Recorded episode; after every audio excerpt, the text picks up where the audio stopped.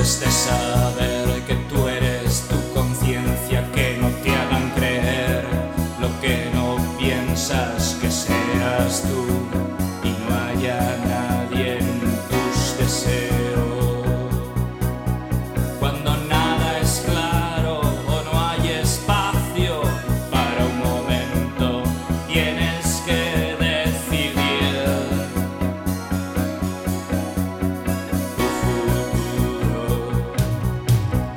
Pontevedra Viva Radio. Una tertulia sí, es una gente, un grupo de gente que se reúne para hablar de determinadas cosas, de lo que quieran. Saludos, programa 201 de las conversas na Ferrería, en el que mm, planteamos la siguiente cuestión, que no tiene ni breve ni sencilla respuesta, creo yo. FP y universidad, ¿qué tiene mejor garantía de futuro?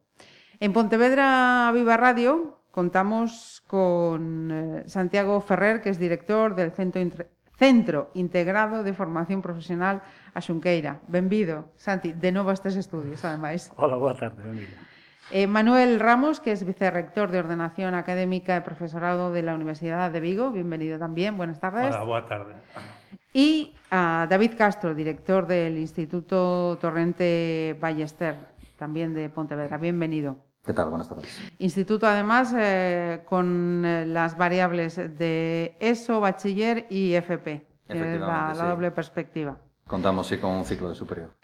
Y una vez hechas las presentaciones, eh, habrá quienes se pregunten, bueno, ¿y, y qué se entiende por garantía de futuro? Acceder a un empleo estable con mejores condiciones o con las mejores condiciones laborables, eh, laborales, económicas posibles. ¿Qué entendemos por garantías de, futuro? Y, vosotros que, estáis en contacto con universitarios, con estudiantes, ¿qué entienden también por, por garantía de futuro? Bueno, se me toca falar a co- como garantía de futuro eh, había que tirar sempre do obxectivo que sería o mundo laboral hacia, hacia a escola, hacia a formación. entonces penso que a propia garantía dice que é unha boa formación para poder resolver os problemas do mundo laboral. entonces eso hai que conxugalo de unha forma entre mundo laboral, empresa, e a formación que sería os institutos. Uh -huh. E dai, pois, eh, dunha boa formación, pois, se o mundo laboral demanda eh, calquer tipo de profesión, se si van ben formados, pois é unha garantía total. Uh -huh. Se si nos remetimos ora a propia sociedade, o que chamamos no seu día aprendices, hoxe non existe. Pois uh -huh. entonces eh, os oficios, digamos oficios, eh, eh, non sei, eh, familias de traballo, esas eh, se forman en, académicamente. Antes se aprendía na propia empresa, con, a, con maestro, e iba a aprendiz e aprendendo. Hoxe en día, eso, polas razóns que sea, que está na mente de todos, que son conocidas, ten que ir titulado. Pois esa titulación é unha formación, e a formación está pois nos, nos, nos centros académicos. E a partir de aí, dentro dunha boa relación empresa facción académica, pois hai futuro. É, é, é difícil, non? É, porque non coñecemos o futuro, precisamente, non? é, home, podíamos entrar en disquisicións de que eles mesmos definirán como é a sociedade do futuro, non? Pero, bueno, eh, centrando no aspecto máis laboral, Eh, tamén é verdade que se fala moito de que máis da mitade das titula, das profesións de dentro de 20 anos aínda non nin as estamos nin están ensinando, previstas. nin sabemos cales son, non? Entón, eh, quizás eh, o millor sería unha boa formación de base, como decía Santiago, Santiago e, eh, sobre todo, que teñan a capacidade de decir, adquirir competencias pois para definir ese futuro, non? Eh, eh, ensinarles a enfrentarse a ese futuro que non coñecemos é moi difícil. Entón, hai que formarlos para que eles, eh, por unha parte, se, adapt, se adapten e por outra, eh, configuren ese futuro. Non? Mm, eh, Están David. fundamentadas competencias. Eh, eh, competencias eh, sociais e competencias personais. Bueno, yo creo que depende mucho también de, de cada caso particular. Es decir, eh, el- las expectativas que pueda tener cada, cada alumno, cada familia, porque al fin y al cabo muchas veces las decisiones no solo las toman los chavales, sino que las toman también las familias junto con ellos.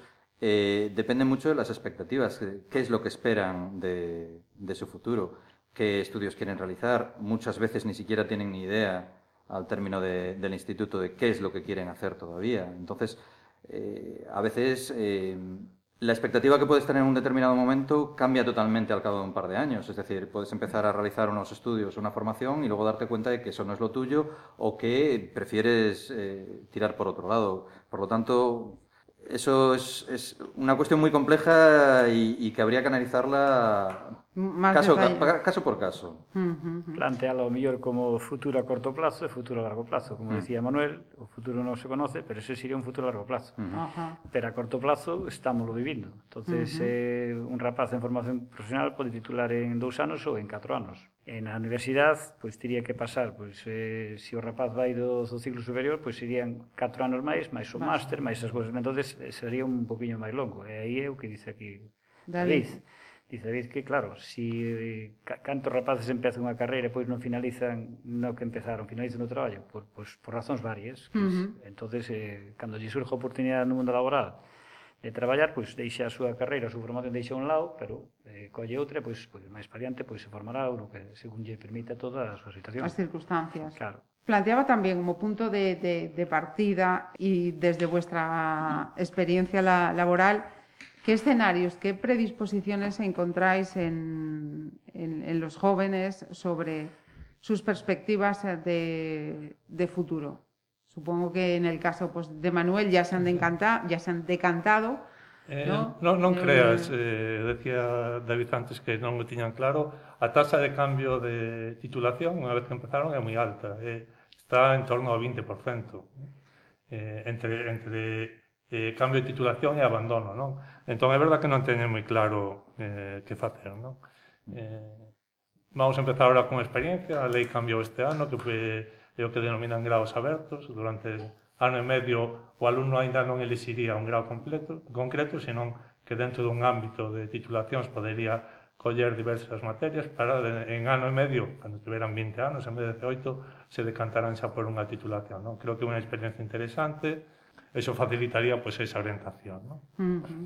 eh, Cuando... no, sí, no noso caso, aquí é un poquinho máis xa eh, a titulación inferior, eh, cando o rapaz solicita matricularse, pois ten unha serie de, de criterios que o mellor os, os vos expedientes e as vos situacións pois collen o ciclo que queren e pois surxe o outro que vai a coller o que non lle non pudo coller. O sea, de, está en lista de espera e demais. Entonces, se me vou aos ciclos medios, pois non teño eh, sitio nun, nunha familia electrónica, pois me paso a automoción ou me paso a Madeira ou servicios de comunidade. Entonces, eso tamén rula un pouquiño que un porcentaje non eh, tamén é considerado que tamén había que telo en conta. Dai ben tamén que se produzca o cambio debido a eso que o, un rapaz dice, bueno, pois eh, aí o paso o grado de maduración, a nós non entran con 16, 18 anos, que se un sean aí dice, bueno, pois hai rapaces que eh, polo, polas razóns que sean non teñen o mellor esa maduración, e, e que non puderon coller o que eles querían. Eu vou para a familia de automoción e non hai, pois, bueno, pois outra parecida esa cal é, bueno, pois me meto en electrónica porque é electrizado o automóvil, ou, me vou a carpintería, ou me vou a... dentro do noso instituto. Uh -huh.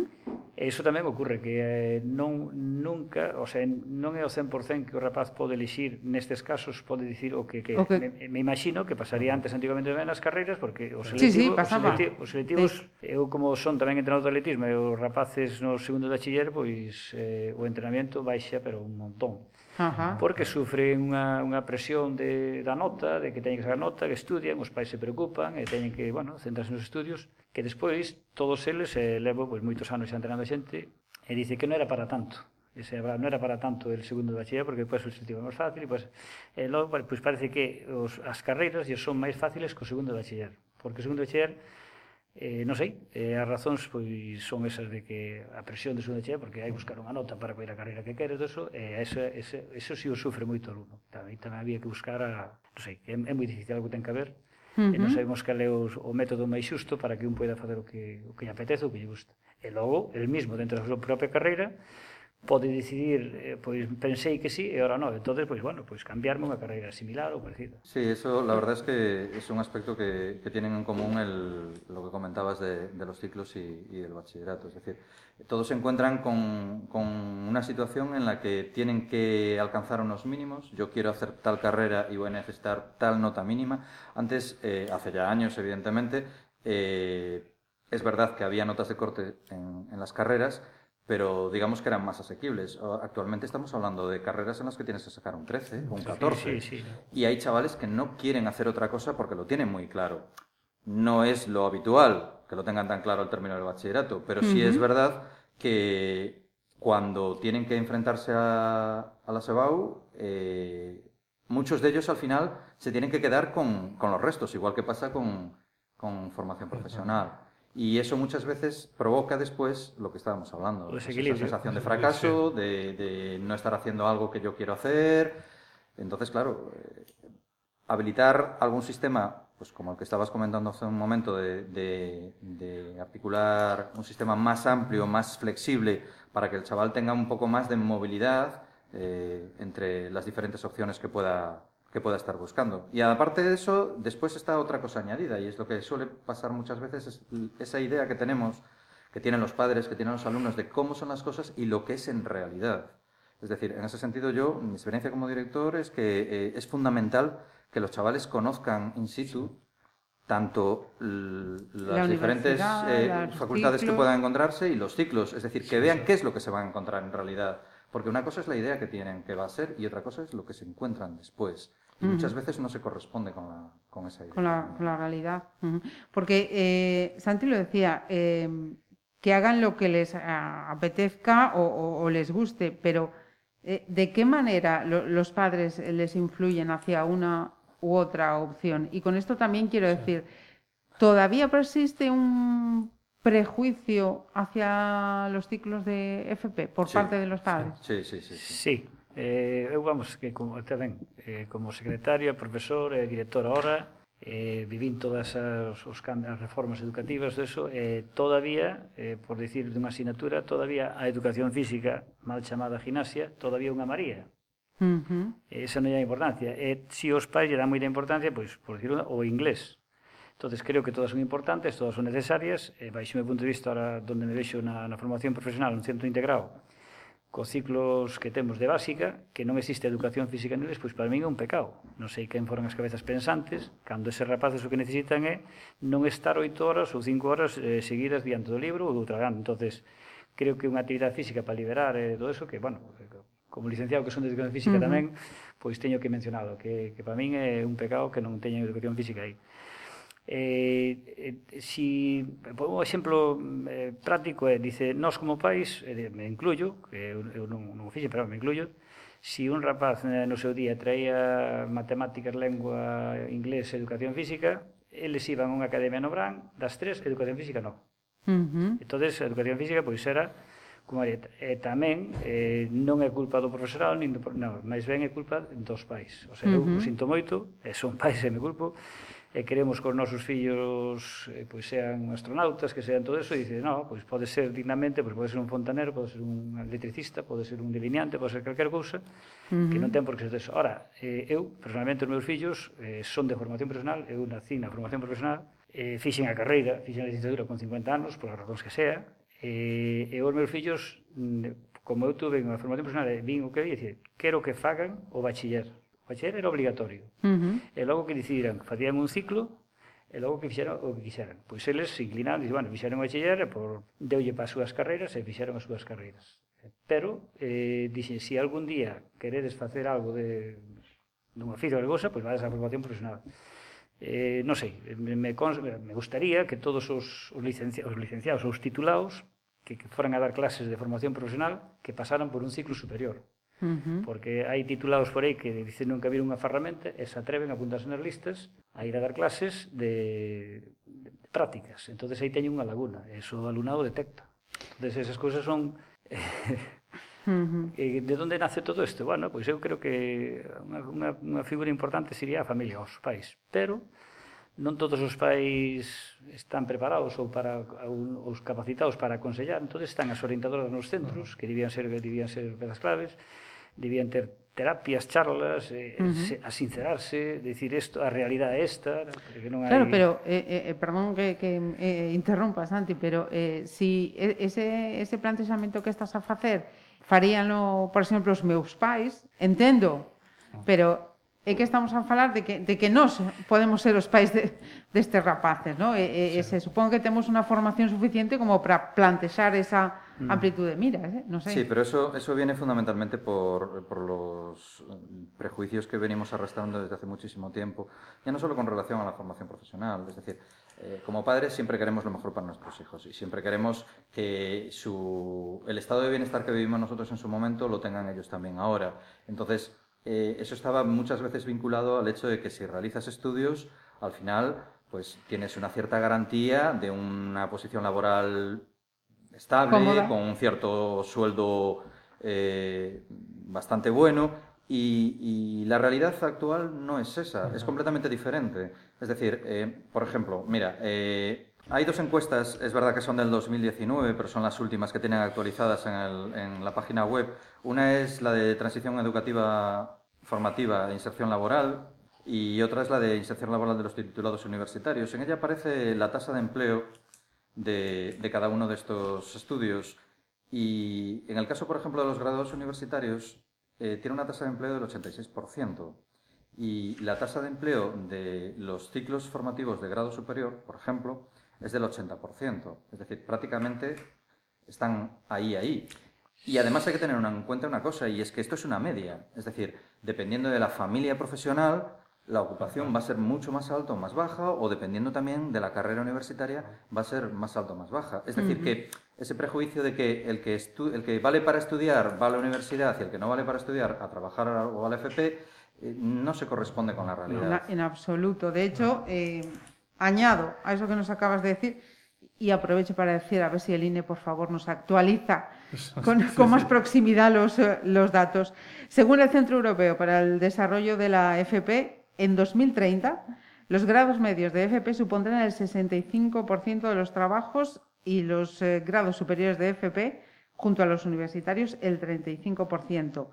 Y según el SEPE, a datos del 21, la empleabilidad de la FP es del 42% y la universidad del 38%. O sea que se decantaría en este caso ya más inmediatamente hacia la FP y en un futuro sobre ambas opciones, grados medios superiores de, de la FP, pero pese a ello, efectivamente, todavía persiste ese lastre Sí. de seguir viendo la formación profesional como, como la hermana pobre ¿no? de, de- de Sí, la é- formación académica. É un pouco o que ti decías antes, é dicir, eu fai 40 anos, cando nos empezamos a estudiar, eu entendería máis, porque os nosos pais, moi- moitos non foron á universidade, e querían que os seus fillos para a universidade, pero, estaba vista pero os pais actuais uh -huh. eh, son maioritariamente universitarios, se saben que a universidade a siguen idolatrando cando eh, a pisaron e ven que non é un mundo aparte básico, é simplemente pois, un lugar de formación como pode ser cal, calquer instituto eh, fora da universidade, non? Uh -huh. eh,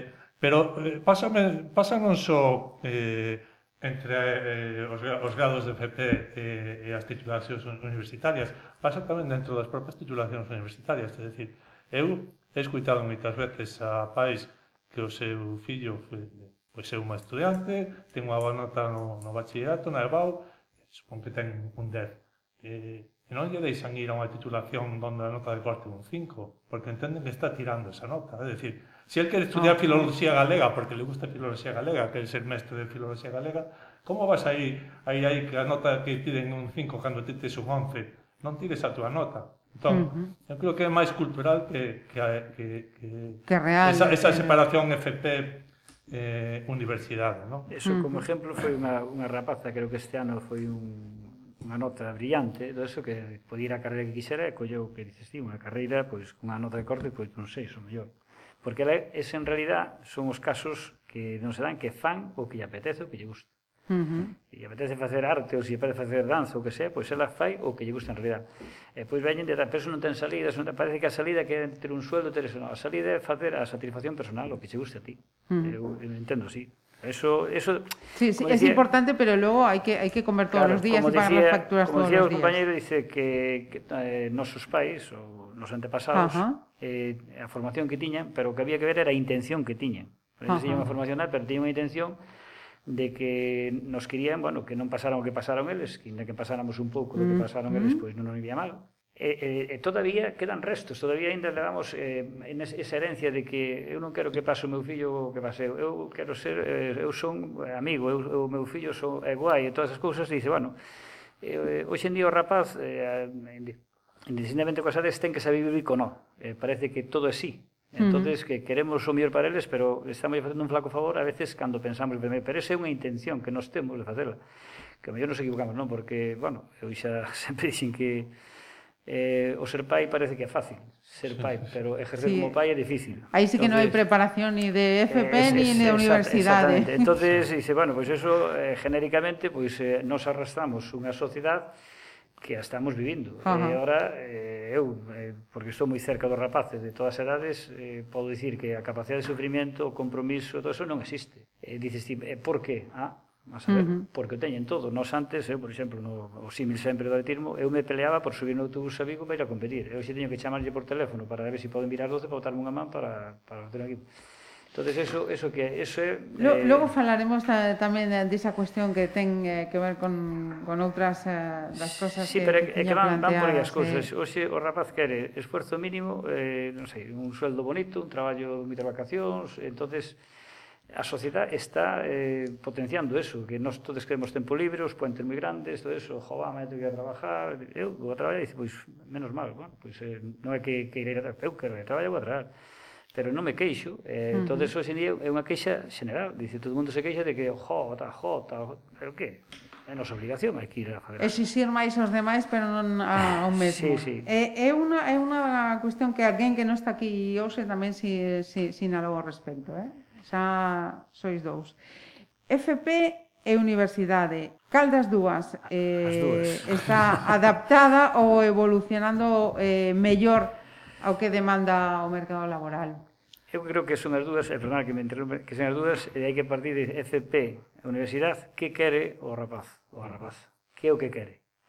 Entonces hai que valorar que con xente que se dice, estás eh, tes suficiente maduración como para afrontarte a universidade ou todavía tens que esperar FP, ou quedas primeiro FP e pois vas á universidade, eu creo que deben facer as dúas.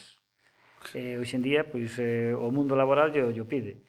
entonces eh, como eu dicía antes, que eu recomendei aos meus fillos que fixeran bachiller, e pois fixeran quixera, que fixera, pois ahora eu podo dicir, este rapaz ten unha boa nota, se pois vai a universidade primeiro, E depois dice, pois, bueno, depois vais te fazer aquí. Ou ao revés, te vas, ao mellor, si vas a FP, vas a unha cousa moi práctica, te vas a práctica das empresas, ves diñeiro, todo eso, depois xa non queres estudiar.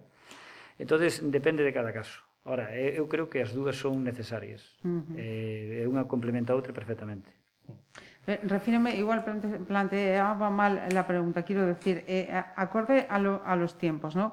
A la universidad quizás se le achaca eh, exceso de teoría y, y poca práctica, y la, y la FP, ese acercamiento, por supuesto, tiene mucha practicidad, pero eh, creo que, por ejemplo, una de las cuestiones en las que se iba a trabajar era la, la internacionalización de, de la FP, ¿no? Algo que en la universidad sí se, se da más, quizá, ¿no? Complementar desde fuera los estudios y en la FP no. Me refería por ahí, ¿no? ¿Cuál de las dos está...? FP, FP tamén ten hoxe mobilidades de, de Erasmus. eh, Sí, vale, tamén, no tenía, tamén as ten. creía eh, que estaban todavía. Eh, xa, xa leva anos con isto, que pasa que cabalga moi lento porque por eso, pola, non sei, hai moitas razóns polas que, porque o rapaz, pois, quere estudiar aquí, dice, hai, incluso deron traballos fora de, de España, como en Italia, eh, a República Checa, todo, eh, cando llevas unha bolsa de traballo aos rapaces, pois non querían ir. Dice, bueno, pois eh, perder unha oportunidade.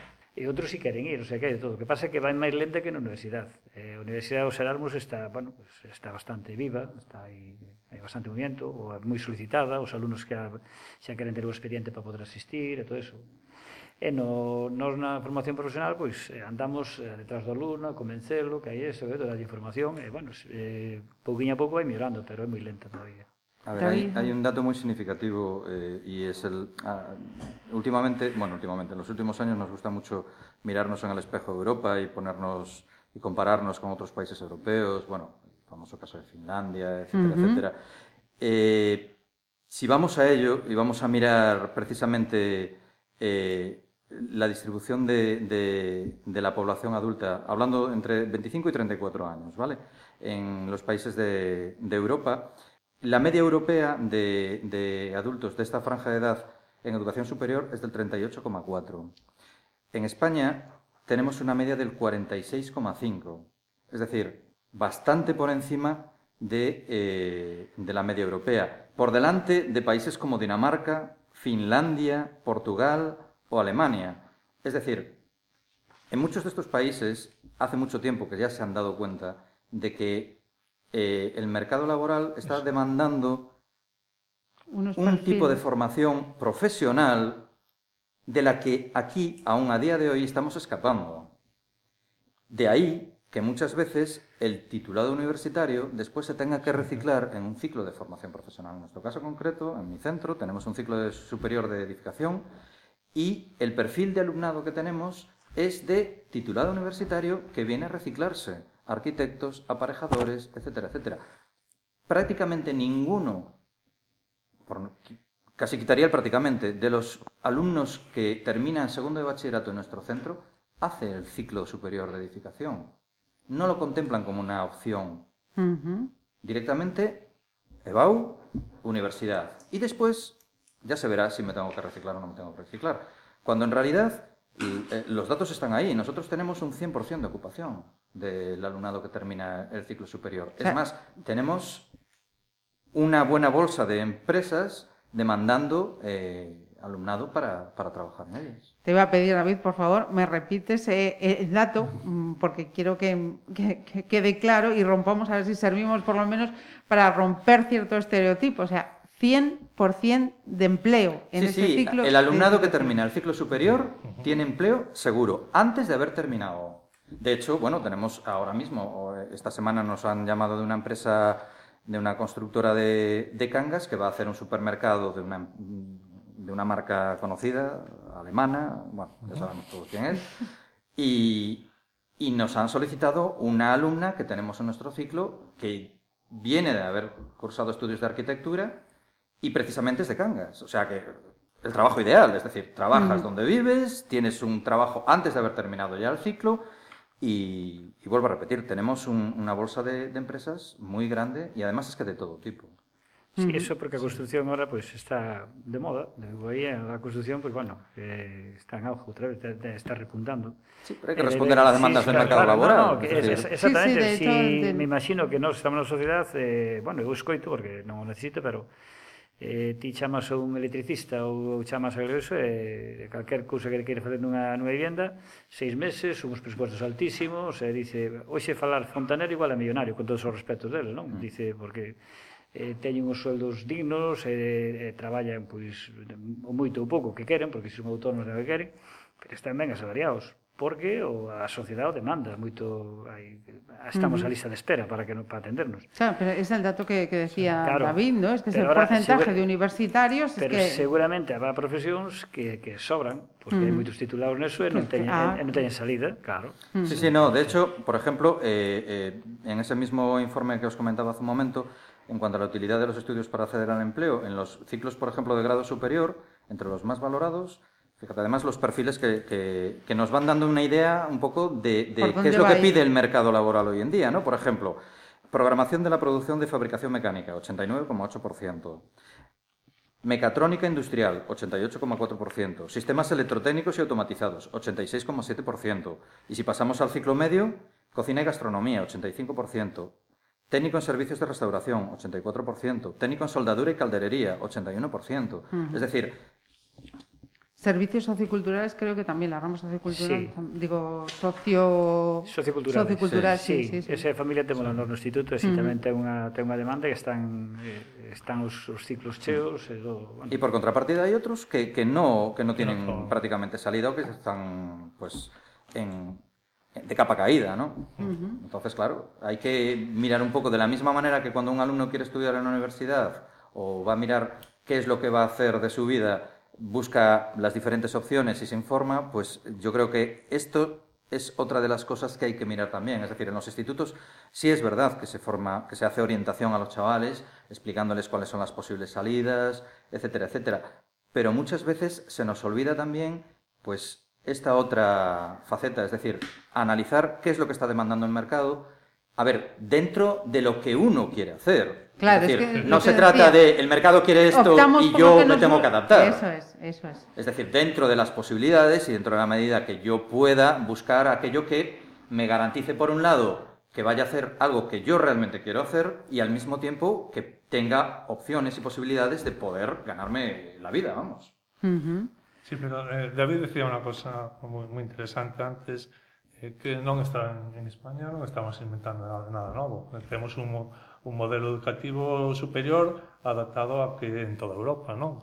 Eh, hai un marco común europeo de, de cualificación de educación, o o español está, está adaptado a él, donde hai catro niveles de educación superior. O primeiro é o, o grado superior, eh, de FP, bueno, están tamén os, os grados superior deportivo e de artes plásticas, o segundo é o grau, o terceiro máster o doutoramento. Entón, están ao mesmo nivel, os catro son formacións superiores, eu creo que o máis importante é darlle ao chaval cando termina con 18 anos o abano máis amplo posible para que poda elegir. Se un quere empezar por un, estudiar dous anos, e ir a traballar algo máis aplicado, ou 4 e ir ao grado, ou 6 para ir ao máster, ou 8 ou 9 para ir ao doutoramento, ten eh, que poida elegir. E creo que o, o máis importante é onde sí que habería que traballar é que ningún deles sexa unha vía morta. É dicir, uh -huh. Eu creo que é traballar moito en pasarelas dun a outro, pois para o que decías ti. Un arquitecto que despois para formarse de maneira máis aplicada que facer un ciclo, ou viceversa.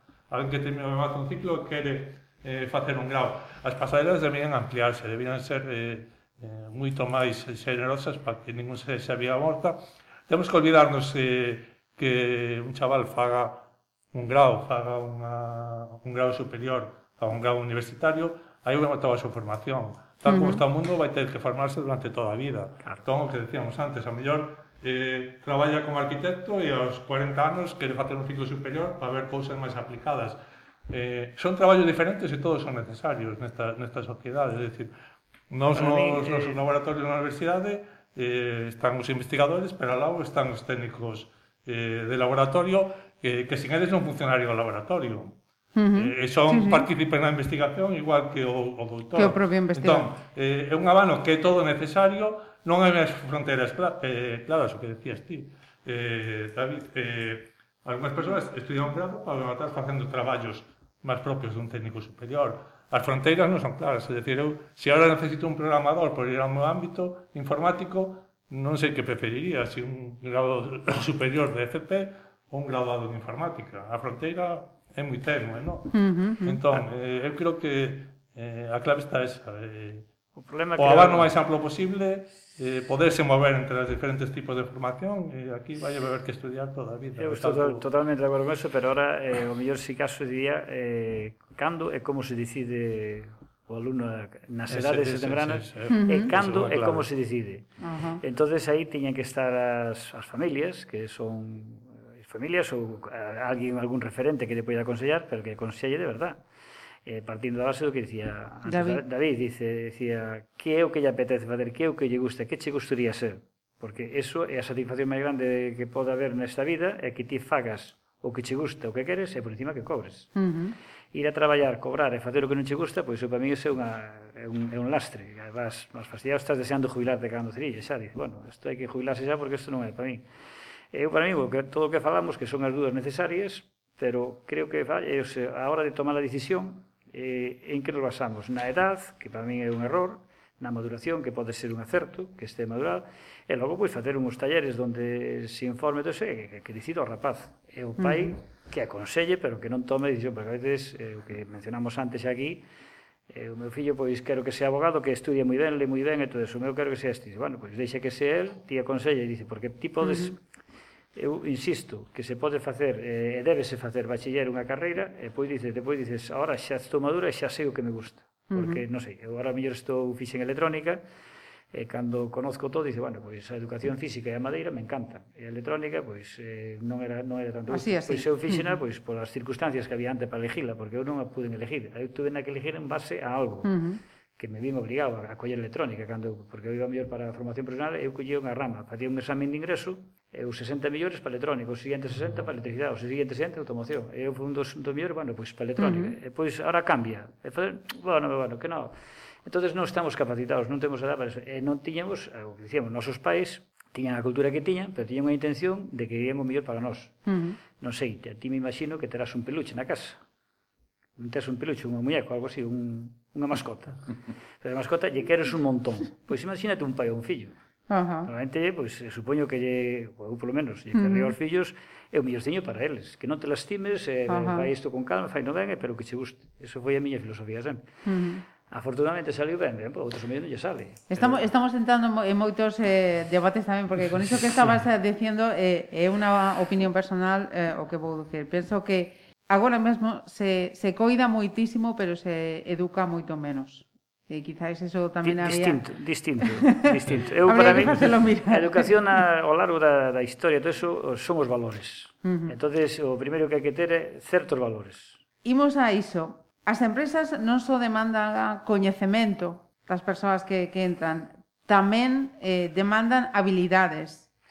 E, e, e como están estas xeracións eh, formados en esas habilidades, en esas competencias, para logo desenrolarlas no futuro profesional que decida. Eu che vou dar a miña opinión, como cando levei no seu día a rapaces a empresa, os, os alumnos dicía sempre, o primeiro que tenes que ter é actitud. Se eu son empresario e eu chego ás nove e ti me chegas ás nove cinco, malo. Se eu, eu son empresario e chego e ti estás na porta esperando a que abra, xa hai boa actitud. Se ti chega a hora de salir, estás mirando o reloj para salir, malo. E eu se te digo, oye, podes marchar, que agora non hai que facer. E se un día que...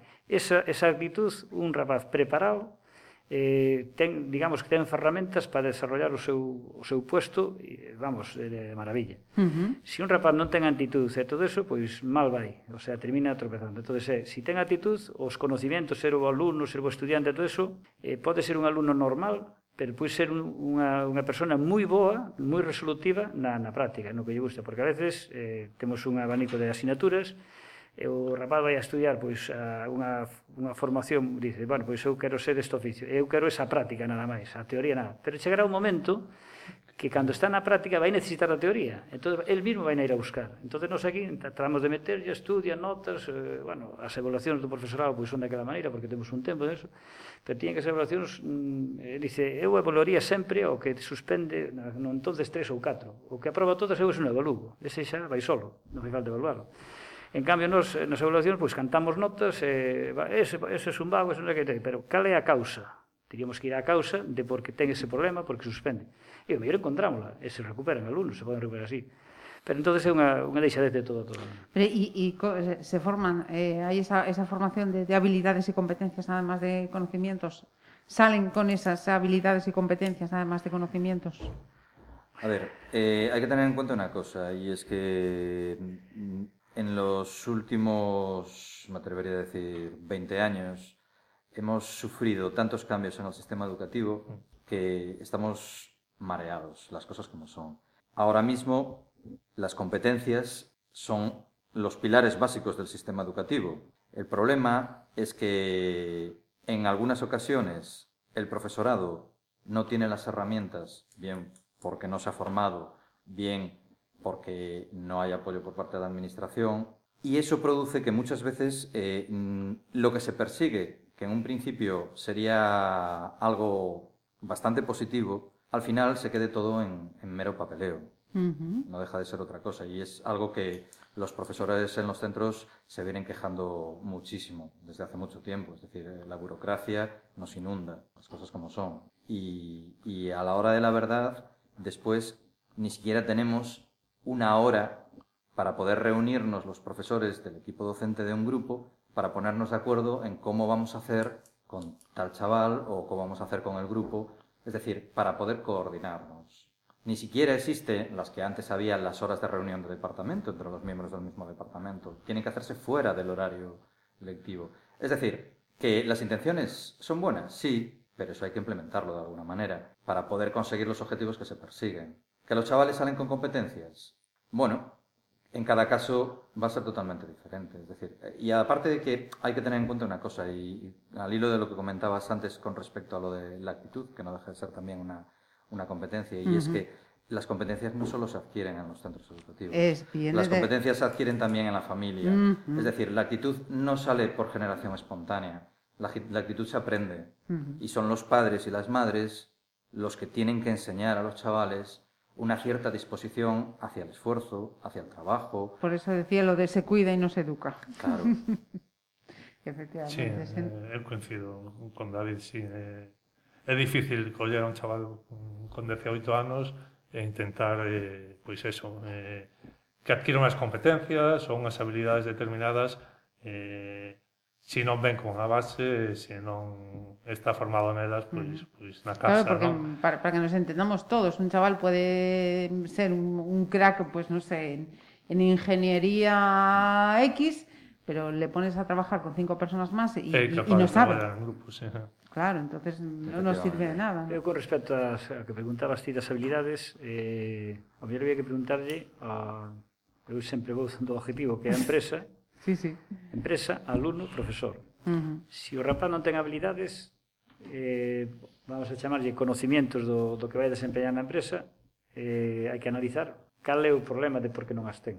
Aí mencionou David eh, o profesorado que temos eh, pois temos moita burocracia, temos moita, entonces Agora mesmo, xa que falaba da burocracia, por culpa da burocracia se foron, no caso do no meu instituto, moi bons profesionales. entonces non quero dicir que os que están non sean malos, pero eh, unha persona experta con gana de traballar eso que se vaya polo papeleo, porque claro, os que somos de antes, eh, nos ve unha avalancha, e dicía, un cambio moi brusco e moi pouco tempo. entonces eh, eh a eficacia, a eficacia, o profesor experto veterano, eh, bueno, eh, que reúne as condicións eh, vos, eh, non soporta tanta burocracia eh, tanto papeleo, tanto mimar, eso é, eh, nos desbordan. Entón, aquí a eficacia. Nos eh, fomos profesores durante tempo, os rapaces saliron preparados de eso, e eh, non tiñamos nin a quinta parte do, do, do papel que usamos ahora. Eu uh -huh. recordo cando deu a, as novas tecnologías do digital, dice, mi madre, ahora vamos a, a forrar papel, pois, non sei, nos gastamos tres toneladas de papel ao ano, canto antes se ganaba, pois, un cuarto de tonelada. Uh -huh. Entonces, eh, foi o cambio tan brusco, tan brusco que burocracia, que entonces eh, dicía, nos adaptarnos en tan pouco tempo a un cambio tan grande, pois desfixe un pouquiño ao bo profesional o que estaba para chegar a esas habilidades cando, porque ahora eh, eu son de Pontevedra, eh, conozco do Pontevedra, entonces vas a calquer sitio e dice, pero esos rapaces non saben, non saben facer, que lle enseñaron? E eu sempre contesto e dice, ese rapaz eh, sabe, Que pasa que ten a ferramenta para que, se ti colles un rapaz que non estudiou eso, pois tardas un ano en preparalo, e este rapaz en tres semanas, ou en tres meses, ou un mes, o preparas porque ten ferramentas para eso. O que pasa que ten que coller adaptarse á circunstancia, coller o ritmo de traballo, coller cosas, pero el sabe, eh, sabe como manejar a información para chegar a resolver. Uh -huh. Si é verdad que o mellor no primeiro in, eh, impacto, pois o rapaz pois eh, non non desarrolla o que lle exige a empresa. Pero hai que darlle paciencia e logo ti tes que preparalo para a túa empresa para o que ten que facer aí pero ten ferramentas ou conocimientos para poder desarrollar e iso é que tamén saber, saber esperar uns e outros. David, creo que en algún momento hiciste ahí un Sí, inciso de... porque quería, eh, quería poner un ejemplo muy significativo que nos ha pasado a nosotros en nuestro centro. Y es que eh, normalmente la gente piensa que bueno, el trabajo de profesor tiene buen sueldo, no lo vamos a negar, tiene buenas vacaciones, no lo vamos a negar, pero también tiene un trabajo detrás, que, que, que hablábamos antes, que a día de hoy en muchos casos ya no le compensa a la gente. Y te voy a poner un ejemplo para que lo veas muy claramente. Hace este curso se ha jubilado un compañero del ciclo superior y claro, una vez iniciado el curso nos mandan un interino, una persona para ocupar su plaza durante todo este curso. Bueno, pues ni a la primera, ni a la segunda, ni a la tercera consiguieron un profesor porque no les interesaba, porque ya estaban trabajando en la privada y no le interesaba el puesto de profesor. Ujú. Cuando hasta hace relativamente poco tiempo, si alguien se le ofrecía un puesto de profesor de instituto, no se lo Era cero dos coma. veces. En Sí, cambio, sí. tuvieron que llamar varias veces, tirar de la lista de, de sustitutos para conseguir encontrar una persona que pudiera estar interesada en querer ocupar ese puesto. Bien, eh, habilidades, eh, competencias y un pasito más. Desde hace años ya, ya hemos visto que se, se publica, conocemos casos eh, seguros, que se accede al mercado laboral y se rechaza a esa persona porque está sobrecualificada para el empleo. ¿Qué es el mensaje que, que le llega entonces a, a los que vienen detrás? Bueno, eh, a ver, es que seguimos con, digamos, la constante que venimos Desde el principio de desde la el principio, charla. es decir, esos prejuicios que hay con respecto a determinadas titulaciones, el tema de la FP y, o, las titulaciones universitarias. Es decir, eh, si vamos otra vez a los datos en cuanto a remuneraciones económicas, eh, podemos ver, por ejemplo, que eh, el 31% de los graduados universitarios con trabajo cobran entre 1.500 y 2.000 euros. Bueno, pues en esa franja de remuneración, los titulados en, en un grado superior de formación profesional son solo el 15,9%. Cuando muchas veces lo que busca la empresa es que una persona ocupe un puesto muchas veces con una titulación superior a la que en realidad necesita y luego se le paga, bueno, pues Lo que se mínimo. le paga, lo que se le paga. Ese es el, el principal problema. Cuando, como te comentaba antes, es decir, tenemos eh, titulados universitarios que se reciclan para hacer un ciclo de grado superior porque con su titulación no encuentran trabajo de- y sin embargo después hacen el, el ciclo de formación profesional si lo encuentran. El problema que ante el mismo trabajo, ante el- la misma carga laboral, eh, la remuneración pues es menor.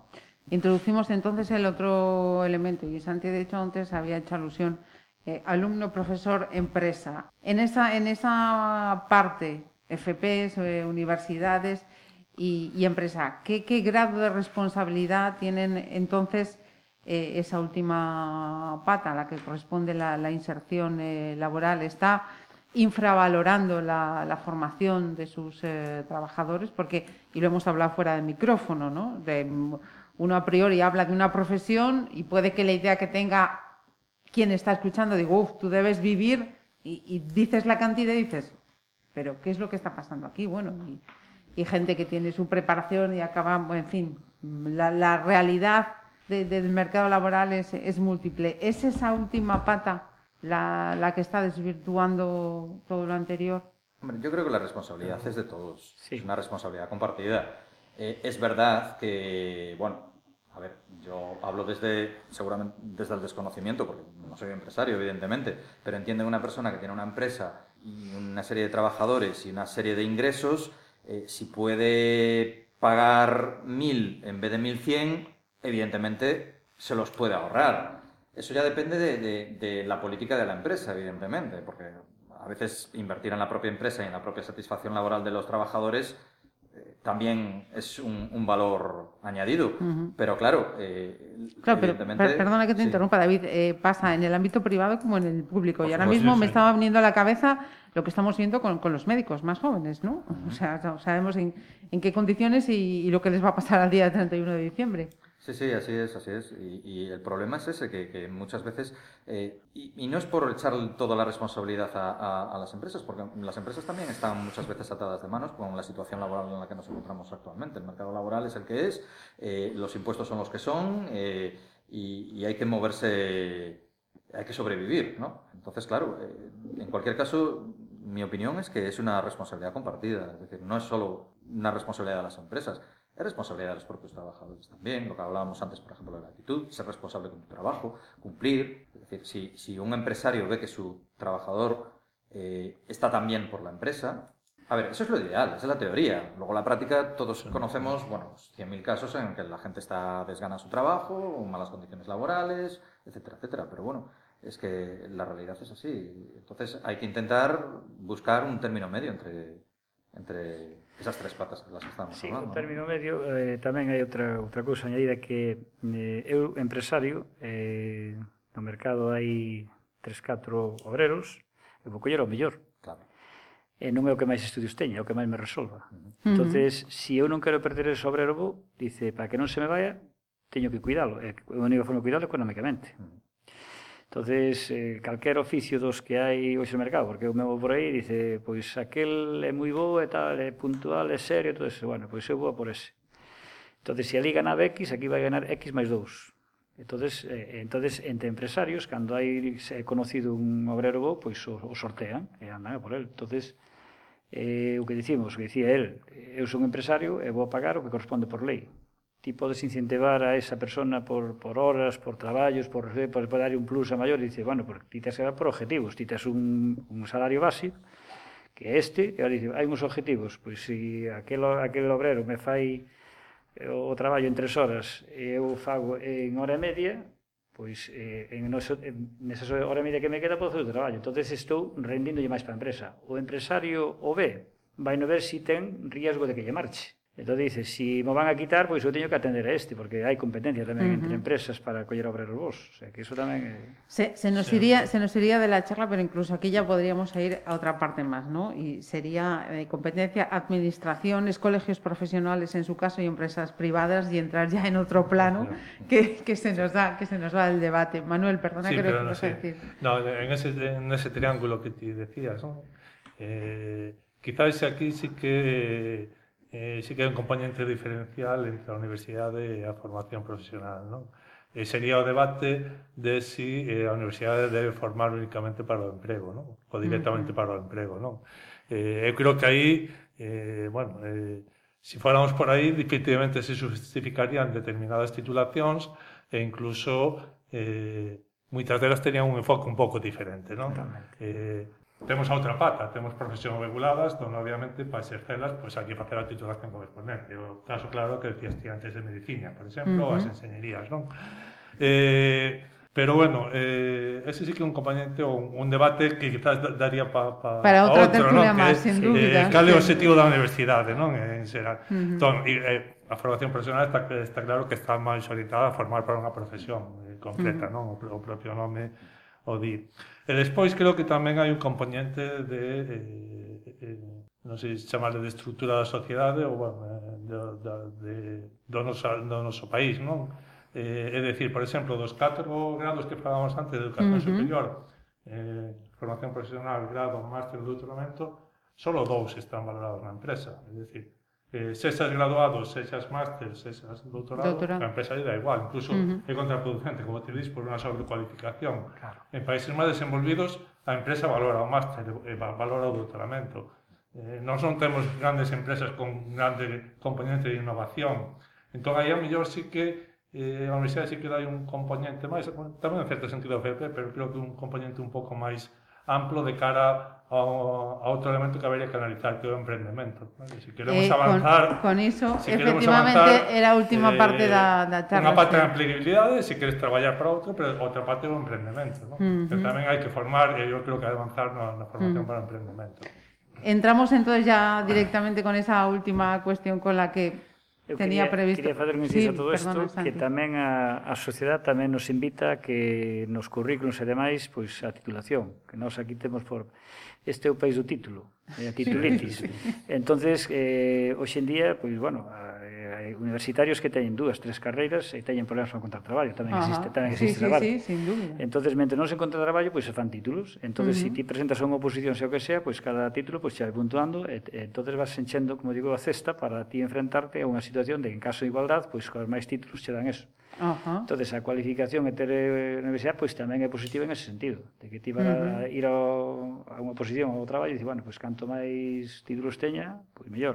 Engade, engade punto. Sí. Pois eh, para rematar Eso, eh, esa cultura del emprendimiento, ¿de qué manera se inculca, se, se empapa, se se hace llegar a, a estos jóvenes eh, ya desde de los, los ciclos de bachillerato? eh, ¿cómo, ¿Cómo está? ¿O es algo mm, que, Bueno, que- que no lo contemplan? Desde, desde la ESO ya aparece contemplado en cierta manera. De hecho, existe alguna optativa en, en la ESO que tiene que ver precisamente con, con, Con el con la- emprendimiento. con el emprendimiento eh, y en bachillerato también, con el emprendimiento empresarial.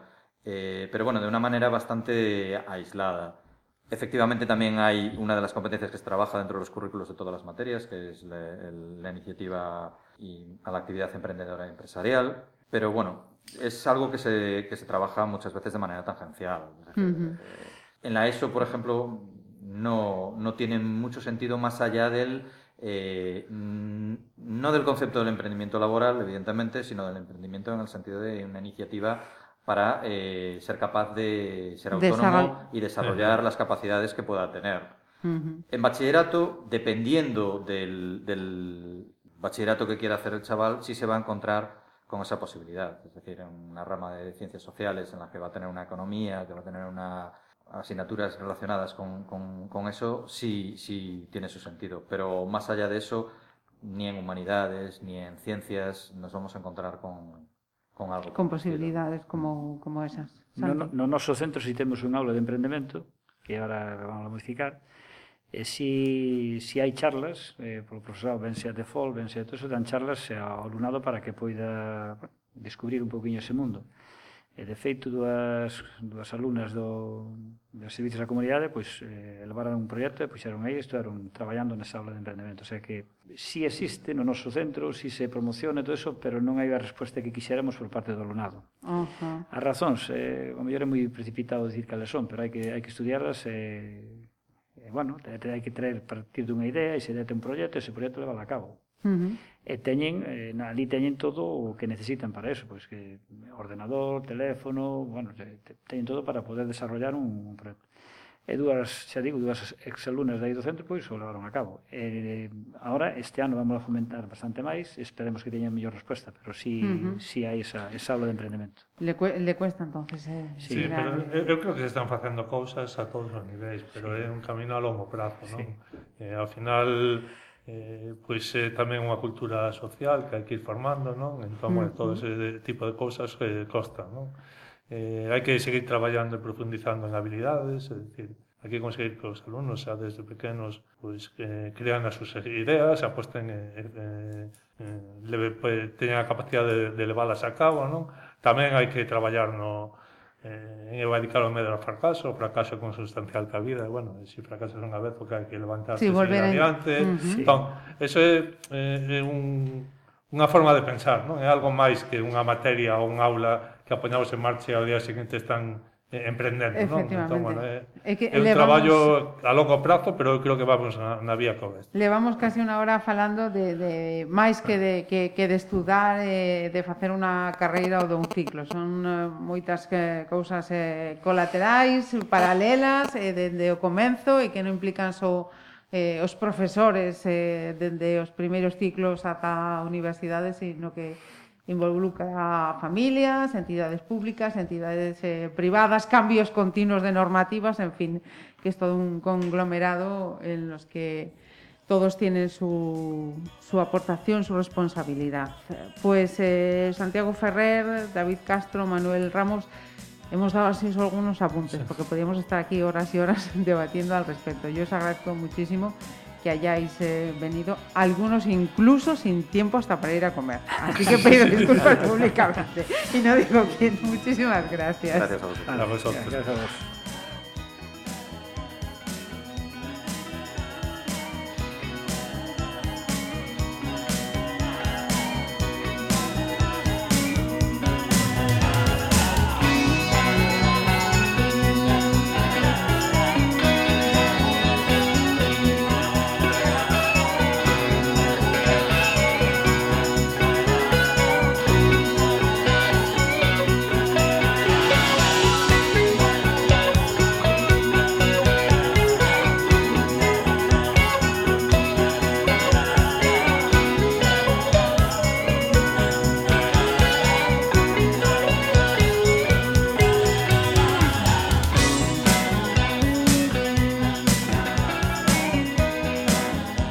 Pontevedra Viva Radio